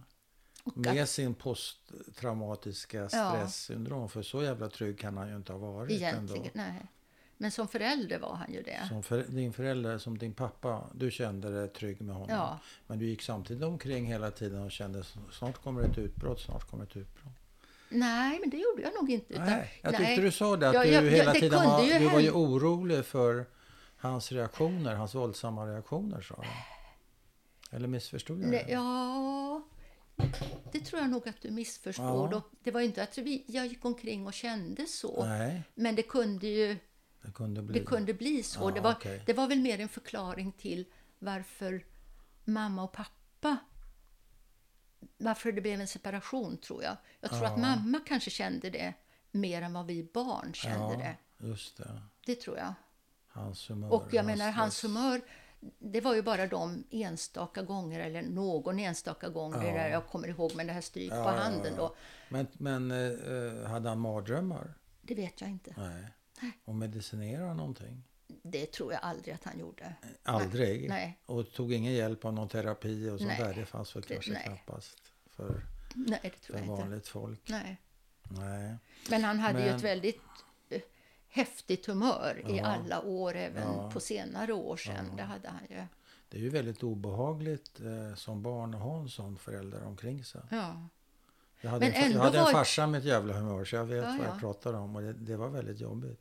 För man ställer hela tiden in sig på att försöka att inte göra fel. Inte att göra rätt, men att inte göra fel. Och det var väl så, så för mig att jag kände, ställde väl in mig väldigt Ja, mycket på att inte gör- göra fel Nej, utan att få det. Mm. uppskattning och vara rätt så att säga. Men att vad som visade också att han var trygga punkten, det var ju att pappa kom till Sverige sommaren 1957. Okej, sen. det är ett Vi hade- halvårs eh, senare ungefär. Ja, när vi hade varit i Sverige och vi hade ju börjat skolan. Ja, Då Anders och jag, jag började direkt in i tvåan. ja. Och, Gick eh, det bra för dig? Ja, jag fick ju ingen speciell... Det var ju inte så att man Nej. fick lära... Då hade jag ju, hade jag ju lärt mig hebreiska. Ja, ja. Läste och skrev hebreiska innan. Det hade Och inte så- mycket nytta av. Nej, och så fick jag lära mig svenska och Ja. det gick bara hux flux det, utan vidare. Du hade lätt för det kanske? Ja, det hade jag väl. Ja, Och Anders hade däremot svårare. Och mamma satt och tragglade med honom i det här ABC, moror och... Ja, just ja, det. Far en orm. Ungefär sånt där. Och de grät båda två. Nej, för Jo, att det gick så trögt. Det var så svårt och det var så trögt och mamma hade inget tålamod. Nej. Men för mig gick det bra. Ja, du var duktig. Och, eh, Och sen kommer pappa så då. kom pappa och så skulle de göra upp. 57. Och varför kommer han då? Vet man det? Jo, för då skulle de bestämma om separationer. Det var, Jaha, de var inte varit- skilda utan de hade bara separerat. Ja, och så på den sköt tiden gick det ju inte, eller fortfarande Nej. så kanske när man har barn, att man... Det ett ska halv, vara ska ett ett år, va? halvårs... Och då var eller det ett år. Ja, betänketid, ja. Och då skulle de göra upp. Och så konstigt nog, då tyckte de bara att då skulle vi bestämma själva, Anders och jag, Ja, om vi skulle vara med mamma eller pappa. ja, Och det kan man ju tycka, då var jag åtta och ett ja, halvt, det är en svår, eller uppgift. nio var jag. Det är en svår uppgift. Och eh, Anders var så liksom fäst vid pappa, han kunde knappt lämna pappa. Eh, och, ville, och jag ville ju också till Israel och ville vara med pappa. ja, Men vi uppfattade det på det sättet att det var meningen att vi skulle vara att de skulle ha en och var, Varsin. varsitt, varsin. ja, Och eh, eftersom Anders var så väldigt stark och jag, skulle, och jag som stora syster skulle ju se till att eh, tänka på honom i första hand. ja, Då fick Anders följa med pappa ja, och jag stannade med mamma. Och dessutom tyckte väl jag kanske synd om mamma. Jag visste, Jag hon, hade ju berättat, det. hon hade ju berättat hur synd det hade varit om Ja, henne. jag tänkte säga du ska väl även inte bara ta hand om Anders utan även om din, Om din mamma, mamma. Och kanske pappa när ni reste. Och så. Det var ju ett heltidsjobb du hade skaffat det. Och ta hand om alla. Var Ja. det inte så? Så så blev det. Men, eh, och Och sen vad alltså, tyckte du om det då? Hade, hade du något utrymme att överhuvudtaget känna någonting eller var det bara att, att göra? Nej men det var väl bara att göra. Det var bara att göra. Nej men det... Nej, Det fanns men, inte plats för något. nej. Nej. Hur blev det då? Jo men... Jag har väl levt mycket på att vara den där duktiga flickan. Ja, Och det gick bra för mig i skolan och, Ja. och sådär. Ja. Och eh, hade väl ett... Jag menar, livet var väl okej. Så det var mamma och jag som levde. Jag var mycket det här att jag ville göra henne glad och hitta på olika överraskningar och grejer för henne och köpa små presenter till henne och göra henne glad. Och det var det även för Anders och mig, att vi skulle göra henne glad, för vi hade en känsla av att det var synd om henne. Hon var ledsen. Var hon deprimerad? Det var hon säkert, ja. Ja. Det var hon. Fanns det något utrymme? För, hade du liksom någon ventil i den här situationen? Någon annan vuxen som du ibland språk? Hade du någon, någon Jag hade ju mormor och morfar Ja, i var Alingsås. Vi bodde i Borås, Ja. men Alingsås och vi åkte dit, kan jag tror jag nog vartannat veckoslut eller något sånt där. Och var det en bra, Ja, det var var väldigt det bra, bra. personer för dig? Ja, väldigt bra. Och vad var det som var bra med dem? Ja, där... Där var man ju bara, det var jag bara och de tyckte Ja, om mig som ja, jag var och det ja. var inga krav, det var kravlöst. Vi gjorde, det var en väldig trygghet hos dem. Mormor och jag, vi kunde gå ut och plocka bär i skogen. Hon hade trädgården och man hjälpte henne med det. Och man gjorde saker och det, det var väldigt enkelt. Och morfar han var, han var biodlare och så var man med honom med honungen och slunga honung. och ja, okej. han, ja, det var... Ja, vad fint. Så du hade, du hade lite tur på det sättet att du hade några vuxna människor Ja. som du kunde vara med och inte bara ta hand om. Mm. Helt enkelt. Men kom de samman sen igen, mamma och pappa? Jag fattar Ja, som att de gjorde ett nytt försök, men jag kanske går händelserna i förväg. Ja, då går du händelserna i förväg. Mm, för då, det, var ju då då, lugnar jag mig lite. det var ju 1960 då när David mådde dåligt. Ja, Och eh, visste du om det? vi vis, mamma visste om det och jag vet inte. Mam, vi har ju hittat efteråt brev där mamma skrev till pappa om hur dåligt Hans David bror. mådde. Ja. Att hon skrev att hon hade pratat med Halla. Så mamma hade ju kontakt med Halla under de åren. Ja. Jag träffade ju kusinerna då och Ja. då trots att Men eh, var du medveten om att han mådde dåligt? Det vet jag inte. Det, det är inte så att jag kan säga Nej. efteråt. Jo, men jag hörde kanske att han var på sjukhus. Ja. Det hörde jag nog. Ja. Att han var inne. Mamma skrev till pappa och eh, att Halla hade rapporterat om Mm. hur det var. Och sen sa ju pappa under senare år. Det, pappa hade ju förlorat så mycket under kriget, men den svåraste förlusten Ja. det var att, han för, eh, David, att David dog faktiskt. Ja. Ja. Och han, ja, att, liksom, att han hade klarat honom genom kriget och så Ja, sen att han det, ja. dog. Tog Och- han det som ett misslyckande tror jag? Ja, det tror jag. Jag tror att, att han hade mycket skuldkänslor Ja. för det också. Att det inte Han- höll? Ja, och eh, sen tro, kanske ett skuldkänslor för dels för att han hade fly- flyttat till Israel. Aha, mm. Men sen sa han ju till också så här, hade jag bara vetat, då skulle jag omedelbart ha åkt dit. Och hade jag kommit till honom, då hade det gått bra. Men det var ju faktiskt inte sant. Nej, det det inte. var inte sant för att vi hittade brev där mamma skrev och berättade att, var, att hon var orolig för David. Ja. Och, att han, och pappa kom ju ändå inte. Nej. Nej. Och då, jag, jag tror att eh, Han hade dåligt samvete. han hade det. dålig, Ja. han, han väldigt dåligt samvete för det. Men startade han på någon ny kula där borta? Jag tänker med Ja, familj så småningom. Men, men då, då, då kommer Ja, Hur ja, som helst, förlåt, när David, hade, ja, när David dog sommaren 60, Ja. Är du med på den begravningen? Nej, för det gick, allting gick ju väldigt fort. Ja, du Eh, brukar ju göra det. Utan jag var säkerligen hos mormor och morfar. Mamma däremot. Var mamma med? Ja. Pappa kom till Sverige. Mamma fick reda på det omedelbart. Ja, Mamma åkte han- dit omedelbart. Ja. Och Göran har ju beskrivit hur han såg Halla, mamma och pappa komma dit. Och att han kände på sig att det hade Ja, hänt. ut, kom ut till Glämsta. Ut till Glämsta. En procession kom de. ja. Och, men då var alltså även min mamma med. Och mamma var väl med på begravningen också. Okej. Dels brukade väl inte barn kanske vara med. Nej, det var inte Nej. speciellt vanligt. Nej. Och det, och det var ju avstånden också då nere. eh, Då bodde vi i Borås och sådär. va? Så att Ja. Men Anders då? Vem tar hand om? Anders var i Israel och då fick han väl vara hos kvar. Han var kvar i Israel hos några goda vänner okej. antagligen. Då i alla fall i den sorgen och de delade sorgen och mamma hade ju tyckt väldigt bra om David också. och, ja, Men det var ju en sorg för dem allihopa. Då fick mamma och pappa för sig att de skulle starta om på nytt. Och då skulle de fundera på om pappa och Anders skulle komma till Sverige eller om mamma och jag skulle komma till Israel. Ja. Och där har vi också hittat brevväxling där pappa skriver till mamma att det kanske vore bäst att de kommer tillbaka till Sverige. Mhm. För att livet i Israel är inte så lätt. Nej, det var oftast rätt så tuffa Ja, villkor. ja. Och mamma tyckte ändå att hon skulle att vi skulle komma dit. Jaha. Och så skriver pappa att ja, men om du nu... Nu, är frågan om man ska utlämna mamma så här mycket. Ja, det är frågan. Känner du att du utlämnar henne? Ja, lite grann.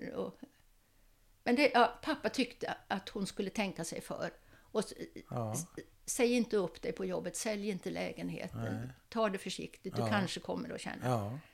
Men hon gick emot pappas. Ja. Hon sålde lägenheten, hon sa upp sig på jobbet och vi åkte ner. Men hon kanske ville väldigt gärna eh, bli ihop med pappa igen. Ja, det Kanske ville hon mer, väl. kanske mer än vad pappa ville bli med henne. Ja, det, men sen visade det sig att hon på båten ja. fattar... Det fanns en telegrafist på båten som åtminstone fattade tycke för ja, henne. det. och eh, när vi kom till Israel så eh, upp- fortsatte han att skriva brev och skicka blommor väldigt mycket till mamma. Ja, telegrafisten alltså. Telegrafisterna Ja, skickade väl Han hade telegram. blivit förtjust i mamma. Din söta mamma. Ja, och eh, sen var det ju inte så lätt i Israel. Nej. Jag hade det inte lätt. Jag hade trott att hebreiskan bara hux flux skulle ja, komma ja. tillbaka. Du som alltid haft det lätt. Ja, Vad händer nu? och det var svårt med hebreiskan. Alltså, jag klarade inte det. Nej. Sen kände jag väl kanske av spänningen hemma så att istället för att bo hemma i... Jo, jag blev osams med en lärare. Jag hade det svårt. Ja. Och så det enda jag tyckte jag kunde, det var det engelska. Ja. Och då var det en lärarinna som anmärkte på min handstil. Hon tyckte Your teeth look like tents, sa hon. hon för att jag hade, hade Ja, hunnit få ja, min egen handstil. tält, det såg jaha, ut som ett tält. Ja, för då var det noga med handstil för övrigt. I, i, ja, det var väldigt noga. Och då, då skulle, och, ah, för de vad har- hände då? då? Det accepterar Ja, inte det? För första gången i mitt liv tror jag så blev jag heligt förbannad. Ja, ja. Ja, Där gick din gräns. där gick min gräns. För då var det väl att jag tyckte att det enda jag kunde där i Ja, skolan just så var det att skriva. Ja, och, och så, engelska. Han sa engelska. Ja, skulle hon hacka på det?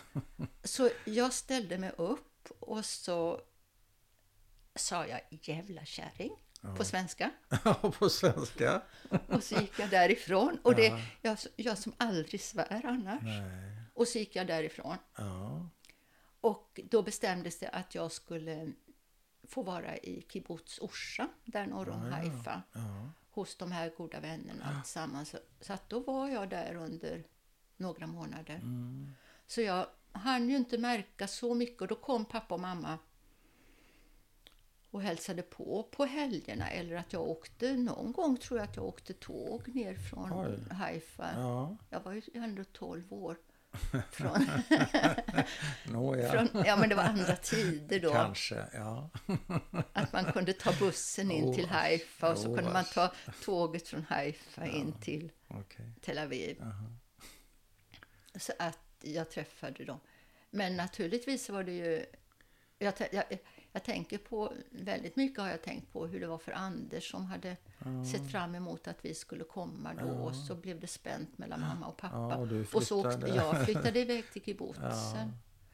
Ja. hur Hur som, hade du det där då under de här månaderna? Var det okej för dig? det var okej, men det var svårt alltså. Jag, jag, Du hade hade, svårt med språket. med språket. Men hade det hänt någonting i ditt huvud tror du?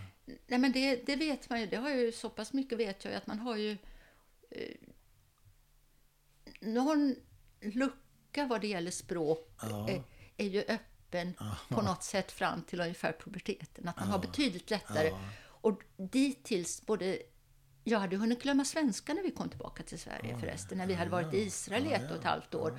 Då var ju svenskan borta. Så att då blandade vi ihop och så kom det bara hux flux tillbaka. Jag hade ju inte behövt anstränga mig. Och jag var inte beredd på att behöva anstränga mig igen. Jag trodde bara att det skulle komma Förstår flygande. det. Du har haft lätt för det hela tiden. Ja. Alltså. Så Så det att, blev inte så eh, Nej. kul. Nej. ja, hur som helst, sen flyttade vi tillbaka till eh, Sverige. Och, det, Och hur länge... och då följde jag med mamma. Och där har ju varit, för min del kan man väl säga, att, men nu handlar det ju om mig då, att jag har haft dåligt samvete också, att jag övergav, jag följde med mamma tillbaka till Sverige. Vänta ett tag, det går så snabbt. Skiljer de sig? Eller De- bestämmer de sig för att separera för Vi gott? kom dit hösten 60. På tidig sommar, försommaren 61, redan efter Ja, ett halvår. Då har de lagt åkte vi ner, tillba- ja. då har de lagt ner projektet alltså. Vad har hänt då? Är det bara att de är osams eller vad har hänt? Nej, men det var väl delvis den här, hon hade väl fått känslor för telegrafisten också. Och Ja, eh, men blev det någonting mellan Ja. henne och Telegram? Ja, ja. de gifte Så hon sig. åker hem för att, för, för att på nytt. återuppta den kontakten? Ja, och Ah. eh, så jag har ju, de gifte sig. Jag fick en bror, en Ja, halvbror. Som Var har de- tagit de där fina fotografierna förresten. Var de, blev de lyckliga, mamma och telegrafisten?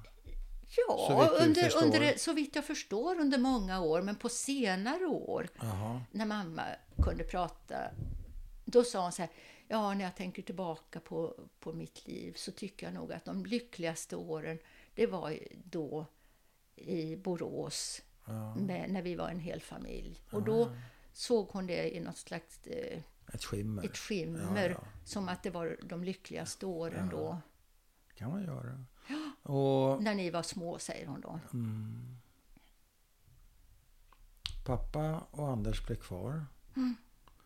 Och du hade dåligt samvete för vad då sa du? Att du lämnade Anders där? Att jag lämnade Anders Eller och pappa. Ja. Ja. Du har dåligt samvete för det? För jag menar, det var ju mamma som så att säga var orsaken till... Ja. Och, Separation. kunde du, och du kunde inte vara kvar där då? Eller ville du inte vara kvar i Israel? Där kom det ju in mycket det här att jag var van att vara den här duktiga flickan Ja. och skulle... Så och du- det var dags att... I Sverige skulle jag kunna börja realskolan och fortsätta vara den duktiga flickan ja. bara och stänga av allt annat.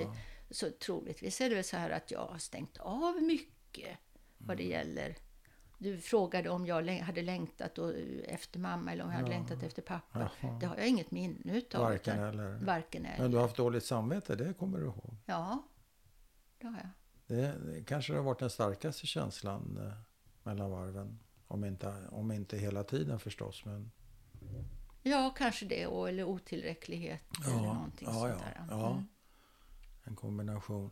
Hur, hur, vad tyckte du om den här telegrafisten då? Blev ni kompisar och sådär? Hade- Han var ju ute på sjön ju, så att han han, sjön? Han kunde ju vara borta ett par månader och så kom han hem och var hemma några veckor Ja, ja. och sådär. Ja. Han var väl okej, men jag menar eh, han var ju väldigt ung också. Han var sex år yngre än mamma. Ja, Och eh, han var ju absolut inte någon pappafigur. Och, nej. och, och Men blev du extra mamma för din, eh, din bror, halvbror?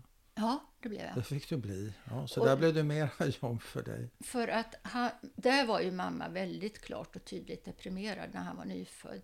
Och hon hade säkerligen sån här eh, Post, postpartum depression ja, ja. faktiskt. Och det kunde hon ju prata om. Ja, så att jag var ju som, och jag var ju 16 år när han Ja. föddes. Så, Erik då, han var ju ute på sjön. Så Ja. jag blev ju som en extra förälder för honom. Och f- på många sätt och vis då. Hur blev det sen med kompisar och skola? Du kommer upp i tonåren och, och sådär. Hur blir... Hur, hur gestaltar sig det för dig? Slår du dig fri någon gång från det där heltidsjobbet som extra mamma? Jo, men jag fick nog en vad ska jag säga, sen pubertet på sätt och vis. Eller Ja. sen, jag slog mig nog inte fri förrän jag hade tagit studenten och flyttat eh, från Alingsås till Göteborg. Jaha, du flyttade till Göteborg? Ja, Och studier där eller? studier. Ja. Men det är ju relativt sent, men, Ja. men ja, det blir ju som det blir. Ja. Och vad gör du då, då när du har fått Ja, till att frihet? börja med, ja, det var ju också snäll och lydig. Från, jo, hela från hela att jag var tiden? Ja, men eh, från det jag var 17 år så hade jag sällskap Ja. med en kille som var ett par år äldre. Ja, Som, eh, och han seglade och, och han, han skulle bli lärare. ja, Och han övertalade mig att jag började läsa matte men han, och jag hade funderingar på att läsa medicin men Mm. det var ju så långa studier och sådär så han övertalade mig att bli lärare också för då kunde vi ha långa eh, somrar ute vid kusten och så kunde vi ha båten där. Ja. Ja, och, eh, så jag började lärarhögskolan. Ja. Sen gjorde jag slut med honom men så tyckte jag att hade jag börjat lärarhögskolan skulle jag ju gå färdigt. ja. Och hade jag gått färdigt så borde jag ju prova på att jobba. Så jag jobbade två år Ja. som lärare. Angered i Göteborg, som redan då var ett av de jobbiga områdena. Mm. Vantrivdes och var dålig lärare, har för dåligt tålamod. Så det var, ja, det var fel för Det mig. inte rätt.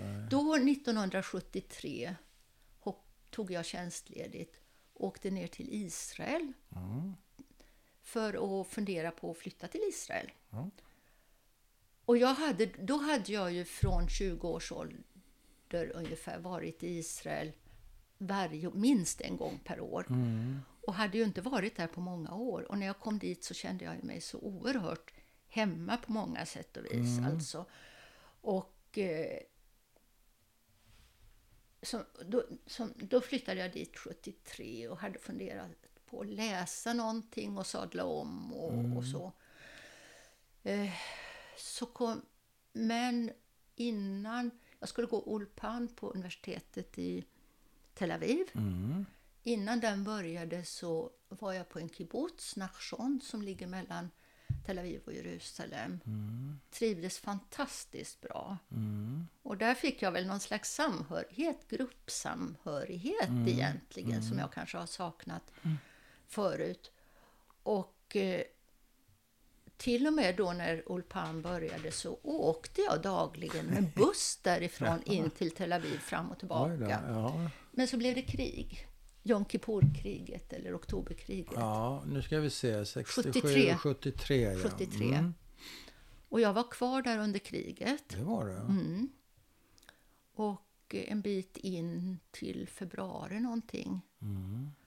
Och då kände jag samtidigt att jag kände mig inte tillräckligt hemma för att kunna stå upp för landet. Jag hade hoppats att eh, liksom de mest fredsvilliga skulle gå framåt. Det var Ja, val det. där. Ja, ja. Det var ju inte så att eh, de heter de, ja höger. högern, nej, de vann inte men de gick väldigt Nej, starkt de framåt. Det. Och det gjorde mig besviken. Och jag kände, ska jag flytta till det här landet där det är en sak om man redan finns här och man måste Mm. göra det bästa av detsamma, av det här. Men sen var det ju inte så lätt heller. Utanförskap ändå, språksvårigheter. Eh, hebreiskan kom ganska bra tillbaka på ett Ja. l- lågt plan, på en eh, åttaåringsplan så att Ja, säga. Ja. Men du hade inga eh, planer på att göra militärtjänst? Det Nej, nej, ju, nej. Det brukar ju vara ett bra sätt att bli en del av ett samhälle. Så, Nej, så långt kom Nej, det ju aldrig. Det var inte Nej, utan sen åkte jag tillbaka till Sverige i alla Ja. fall, februari 74. Men och så- eh, le, levde pappa och Anders i Ja, Israel då levde de i Israel Ja, så Anders har ju gjort allting så att säga. Va? Apropå det här att räknas som judisk eller Jaha. inte. Han är omskuren, han har gått... Var han inte det från början? Eller Jo, då? jo, jo, som omskuren. barn. Som ja, ja, barn. ja, ja. Och så sen har han gått i stort sett hela sin skolgång i Israel. Det var ett halvår han var i Sverige. Han har gjort militärtjänst, tre Mm. år. Eh, tuff militärtjänst. Mm, som, det det, ja. ja, så här, Ego Sim som är så här mer eller mindre jägarsoldat. något elitförband? Elitförband, ja. Men när han skulle gifta sig så var han inte tillräckligt judisk för Nej, att få då gifta måste han sig. konvertera sig med... Ja, och jag menar, att han skulle behöva konvertera Ja, tycker jag, kan, kan man vara mer judisk än vad han kan vara? ja det han kan man. uppfostrad, Enligt- ja, enligt- uppfostrad av enligt, sin pappa och eh, levt med sin pappa. Ja, rabbinerna så, Ja. så är du ju inte jude. Det Nej. vet du ju. Det går Och ju det- på det- mödernet. jag vet. Ja, du vet ju Men det. jag, jag vet det. Men, men du tycker, tycker... att han är en jude. Han är en riktig jude, men inte du. Nej, ja, men, nej, precis. Men han har ju gjort alltihopa. Gått skola, Ja, bar ja. mitzva, Ja, ja, ja. militärtjänst. Uppfostrad av Har, sin pappa har du bara. inte tagit bat mitzva? Nej, Nej. det har jag inte gjort. Nej, då är det inte riktigt. Nej, därför är jag inte riktig. Nej. Jag skojar med det. Ja. Okej, men då fick han väl konvertera helt enkelt? Nej, han Nähä. kom till Sverige och gifte sig borgerligt i Sigtuna Ja, ja. rådhus. Ja, ja. Mm. Okej. Och sen har de så Men sen, har småningom, de flytt, sen flyttar de tillbaka och har ja, bott där. så småningom har de sett eh, genom fingrarna och kunnat Asså. registrera honom. När han blev enkling och Jaha. blev själv med Ja. båda pojkarna Ja, och så. sånt där så har de liksom... Men eh, vad tyckte pappa om att du flyttade hem igen då? Hade han några synpunkter på det? Nej, det tror jag inte heller. Han, pappa har ju varit... Han var ju väldigt tolerant på många olika sätt Ja. och vis. Va? Och, eh, gett oss stor frihet. Anders då förresten, han är ju konstnär. Han har ju varit, gått Bezalel, sån här konsthögskola eller Skola, konstakademi. ja, ja. Varit lärare i konst. Han uppmuntras ju alltid av pappa till det. För det är så många andra som man tror de vill bara pappa som ingenjör så att säga skulle man kunna Ja, förvänta sig att han skulle ha Ja. andra ambitioner för Hade han några Anders. förväntningar på dig?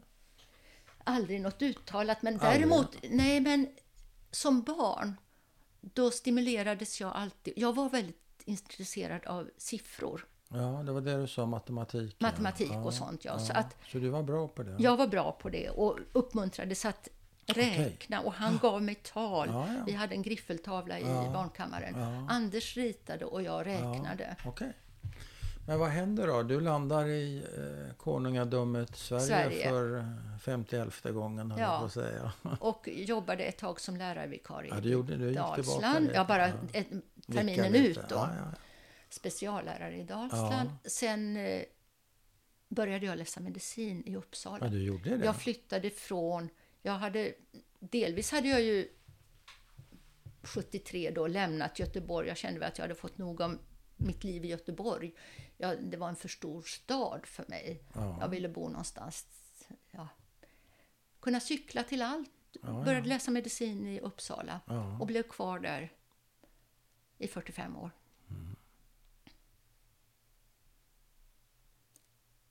Och har där fått då, fick sen i början av 90-talet eh, kontakt med Judiska föreningen. Mm.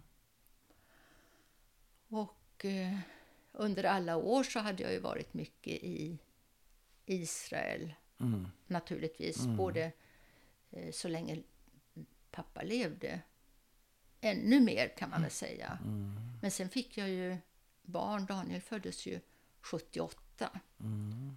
Då hann vi vara där när han var ett år och när han var, pappa kom när Daniel var två. Ja, Och vi hann nog vara där när Daniel var tre, tre och ett halvt någonting. Mm. Så det blev Sen, lite... ja, det blev flera ja. gånger de träffades. Det är så pass att Daniel har minnesbilder av Ja, honom i ja. alla fall. Häftigt. Och sen var ju inte Daniel mer än knappt fem när pappa dog. Nej. Var han stolt över sitt barnbarn, tror jag? Väldigt, ja. Väldigt stolt. var han. Ja. Det var han. Jag tänkte på en grej du jag sa för ett bra tag sedan som jag faktiskt suttit och grunnat på i bakhuvudet. Du sa någonting så här att när du och mamma skulle ner till Israel för eh, ja, ännu en gång och det, det, det skulle bli bra igen tror jag. Mm. Och då säger du innan du berättar den här historien om telegrafisten Erik att jag vet inte hur mycket jag ska utelämna mamma. Jag vet inte om det var det du syftade på. Jo, men jag menar Jag väl det, det. att hon framträdde ju i dålig dager, så att Varför säga. då? Vad är det som är dåliga dagar? För dig? Är det, var det dåliga dagar? Ja, men hon, hon var ju... Hon kanske inte var helt stabil, din mamma? Nej, det, var det, hon, det är det jag menar. Hon var väldigt instabil Ja, hon var instabil. och impulsiv. Ja. Men Så känner det- det- du att du var- behöver skydda hennes minne? Ja, det har jag ju inget an- det behöver jag ju egentligen inte. Nej, för att jag blev lite förvånad över den reaktionen att du tyckte det var... Eh, det var inte bara att det var en fråga, för det var jobbigt också för att ta ställning till den där frågan. Jo, men det, det- kände... Det är jag väl det här, du ska hedra din fader och din moder. Ja, det ska man ju göra. Ja, det, det ligger väl djupt ändå. Ja. Men det finns ju något nästan humoristiskt i den där berättelsen också, apropå lumparhistorien. Man är på väg för att återförenas med sin man och på vägen så springer man på en snygg telegrafist och så liksom ändras allting. Ja. Det är ju så livet är. Mm. Men du känner att du, du lämnar ut henne? Mm. Mm. Är det föräldern i dig som talar? Ja, det kanske det är då på sätt att, att hon skulle vara som mitt barn. Då. Ja, du ska skydda, Jag ska liksom, skydda henne, Ja, ska skydda mamma. Ja. Det är klart hon är din mamma, men eh, man kan ju... Jag tänker på det... Eh, jag vet inte om man kan ställa frågan riktigt så, men jag, jag ska försöka formulera den. Att du var ju, blev ju tidigt, jag vet inte om du sa 6-7 år gammal, så blev du... Då var du inte barn längre. Mm. Åtta år, jag vet inte vad du sa. Ja, sex, sju tror ja, jag. i- 6-7. I, inför att vi skulle åka till Israel. Ja, då blev, du, då blev du vuxen. Men hur, när man har blivit vuxen så tidigt som du har blivit, hur blir man vuxen på riktigt sen? Om du förstår frågan. Hur blir man vuxen när man har blivit vuxen så tidigt? För du var ju inte vuxen då. Nej, Nej. Har du funderat på det? Nej, jag kanske inte är, jag kanske inte är vuxen. jo, det tror jag det är. Det tror jag det är. nej, men, eh, Hur har du gjort? nej, men det har väl varit, jag har väl fortsatt väldigt mycket att ta hand om andra. Ja, Både i familjen och genom jobb. Ja, visst. Det är ju ett vårdyrke i allra Ja. högsta grad. Men det är ju inget fel. Men har du tagit hand om dig själv? Det är det jag menar. Hur har du, det är väl kanske det jag försöker. Hur tar man hand om sig själv när man inte har fått vara barn? Ja. Ja. Nej, men det har jag väl varit dålig på. Det har väl, Ja. Så att jag har ju haft några kriser i livet kan man väl säga. När jag Ja. har mått väldigt dåligt. Ja, Eh, en i slutet av 90-talet. mm. Och utbrändhet och eh, och det var också den, den separationen då från mina döttrars pappa. ja var det samtidigt? Det var samtidigt. ja, Och, och då, att jag hade- kraschade, då kraschade det. ja, och det var mycket det att jag flydde ju in i arbete Ja. då när vi hade det dåligt hemma. Ja, ingen bra idé. Nej. Och eh, sen när jag väl hade blivit, börjat att bli sjukskriven så blev ju min eh, svägerska, då, Anders fru, sjuk. Ja, Och då hade jag inget att ge Nej. yrkesmässigt. Jag, jag kunde inte ta hand om patienter. Så det förlängde väl delvis min sjukskrivning. Jag var borta ett år då. Sen tog det lång tid för mig att komma tillbaka. Ja. Och jag kom väl aldrig helt tillbaka. Jag jobbade nog egentligen inte heltid någon Nej. gång efteråt utan deltid. Jag tog hand om mig. Jag jobbade kanske två dagar ledig onsdag och så två dagar till. Så att det, det haltade hela tiden. Det var lite grann och slak lina. Och sen, ja, sen gick jag i pension när jag var 63 ja vad redan. hände då? då? Blev det bra? Ja, jag tycker ju att det Det blev, blev bra. bra. Ja. Det, det var väldigt skönt tycker Ja. jag. Så jag har trivts väldigt bra som Ja. pensionär. ja. Det har jag gjort. Därför en sån där utbrändhet, eller vad vi nu ska kalla det för, det finns väl olika ord. Den tar ju sin tid och tar ju väl rätt så lång tid. Alltså. Ja. Som du sa, ett år, det är väl relativt vanligt. Och så säger jag att man har, jag har, jag haft kvar en sårbarhet efter det tycker Ja, jag. den finns ju som kvar. finns kvar hela tiden. Och det var ju hela tiden sådär olika milstolpar för att jag skulle orka ett Ja, tag. Bland annat var det ju den här guldklockan. Löjligt. Jag var anställd i landstinget i Uppsala. Ja. Då, och så hade jag ju varit anställd i två år. Så tänkte jag, ska jag orka? Jag kommer nog inte orka. Men så tänkte jag, ja men Vadå, hur, 25 långt, hur mycket skulle du komma upp till? 25? 25. Och det, du Jag kom- hade varit anställd i 23 eller Ja, vadå? jag kommer inte ihåg Nej. när. Det var jag började tänka. Men du skulle komma upp i den där jag klockan? tänkte, ja, har, har det gått så här länge så ska jag väl åtminstone få min guldklocka. Ja, Och, och det fick du? ja. och sen så, så att säga, sen var det pension nästa också, Ja. att försöka orka. Och jag undersökte väl när jag var 62 ungefär vad, vad det fanns för olika alternativ att gå i pension, om jag skulle gå deltid eller inte. Och när jag bestämde mig för att gå då vid 63 så hade jag väl i första hand tänkt att var långledig över sommaren, det var på Ja, våren. Ja. Och så tänkte jag att nu börjar jag jobba lite grann som det passar mig, vicka lite grann Ja, vintertid. Så jag hade inte tänkt att sluta på en gång. Nej. Men då blev ju mamma sjuk Ja. den hösten efteråt. När, eh, hon visade sig ha en hjärntumör. Och eh, då var jag med henne den sista tiden i livet. Mm. Och då, liksom, då, då hade jag hunnit att jobba några, fem dagar i oktober tror jag. Ja. Och det var inbokat några dagar. Men då tackade jag nej sket till det. det, ja. Och så provade jag på våren efteråt. Men då hade jag på något sätt kommit ifrån Ja. Eh, det tempot. Jag var, Ja. tyckte inte att jag var beredd att eh, stressa på det sättet. Utan Sen höll jag på lite med studentundervisning något år. Men då tyckte jag inte att det var riktigt rätt mot studenterna heller. Att man som lite lätt uttröttad Ja. kollega ska undervisa dem. Nej. Men har, kan man säga det som att man, vi har ju trösklar kan man säga i våra liv och när man får för mycket stress i kroppen eller vad det är någonstans så hyvlas ju den där tröskeln ner, så tänker jag på det i alla fall. Och så Mm. blir man utbränd. Och den tröskeln växer aldrig upp igen utan man, som du sa, man har en skörhet eller en Mm. överkänslighet. Jag vet Mm. Jo, du, men det har jag känt. Ja. du känner så? Ja. Det har jag Och känt. den, den har man. Men ser du det som ett... Man kan ju se det som ett problem, men man kan också se det som en tillgång. Att man, man, man lär sig att leva med sina gränser och ta hänsyn till sig själv. Och, eh, man orkar inte hur mycket som helst. Det, det behöver inte vara bra att orka hur mycket som Nej. helst.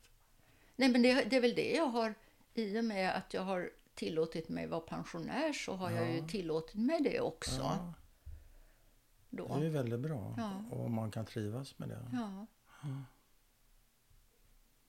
Faktiskt så. Mm. Eh, vill du lägga till någonting? Nej, jag känner mig ganska utmattad. Du ser lite trött ut. Lite ja. trött, ja. Det var, jag har inte tagit tid, vi har pratat Nej, det länge nu. står här. Den är en och en halv timme. Så. Ja, Ja, så det är väl max vad man orkar ungefär. Ja. Då tycker jag vi säger tack och hej och tack så mycket Tack så för mycket. samtalet. Ja.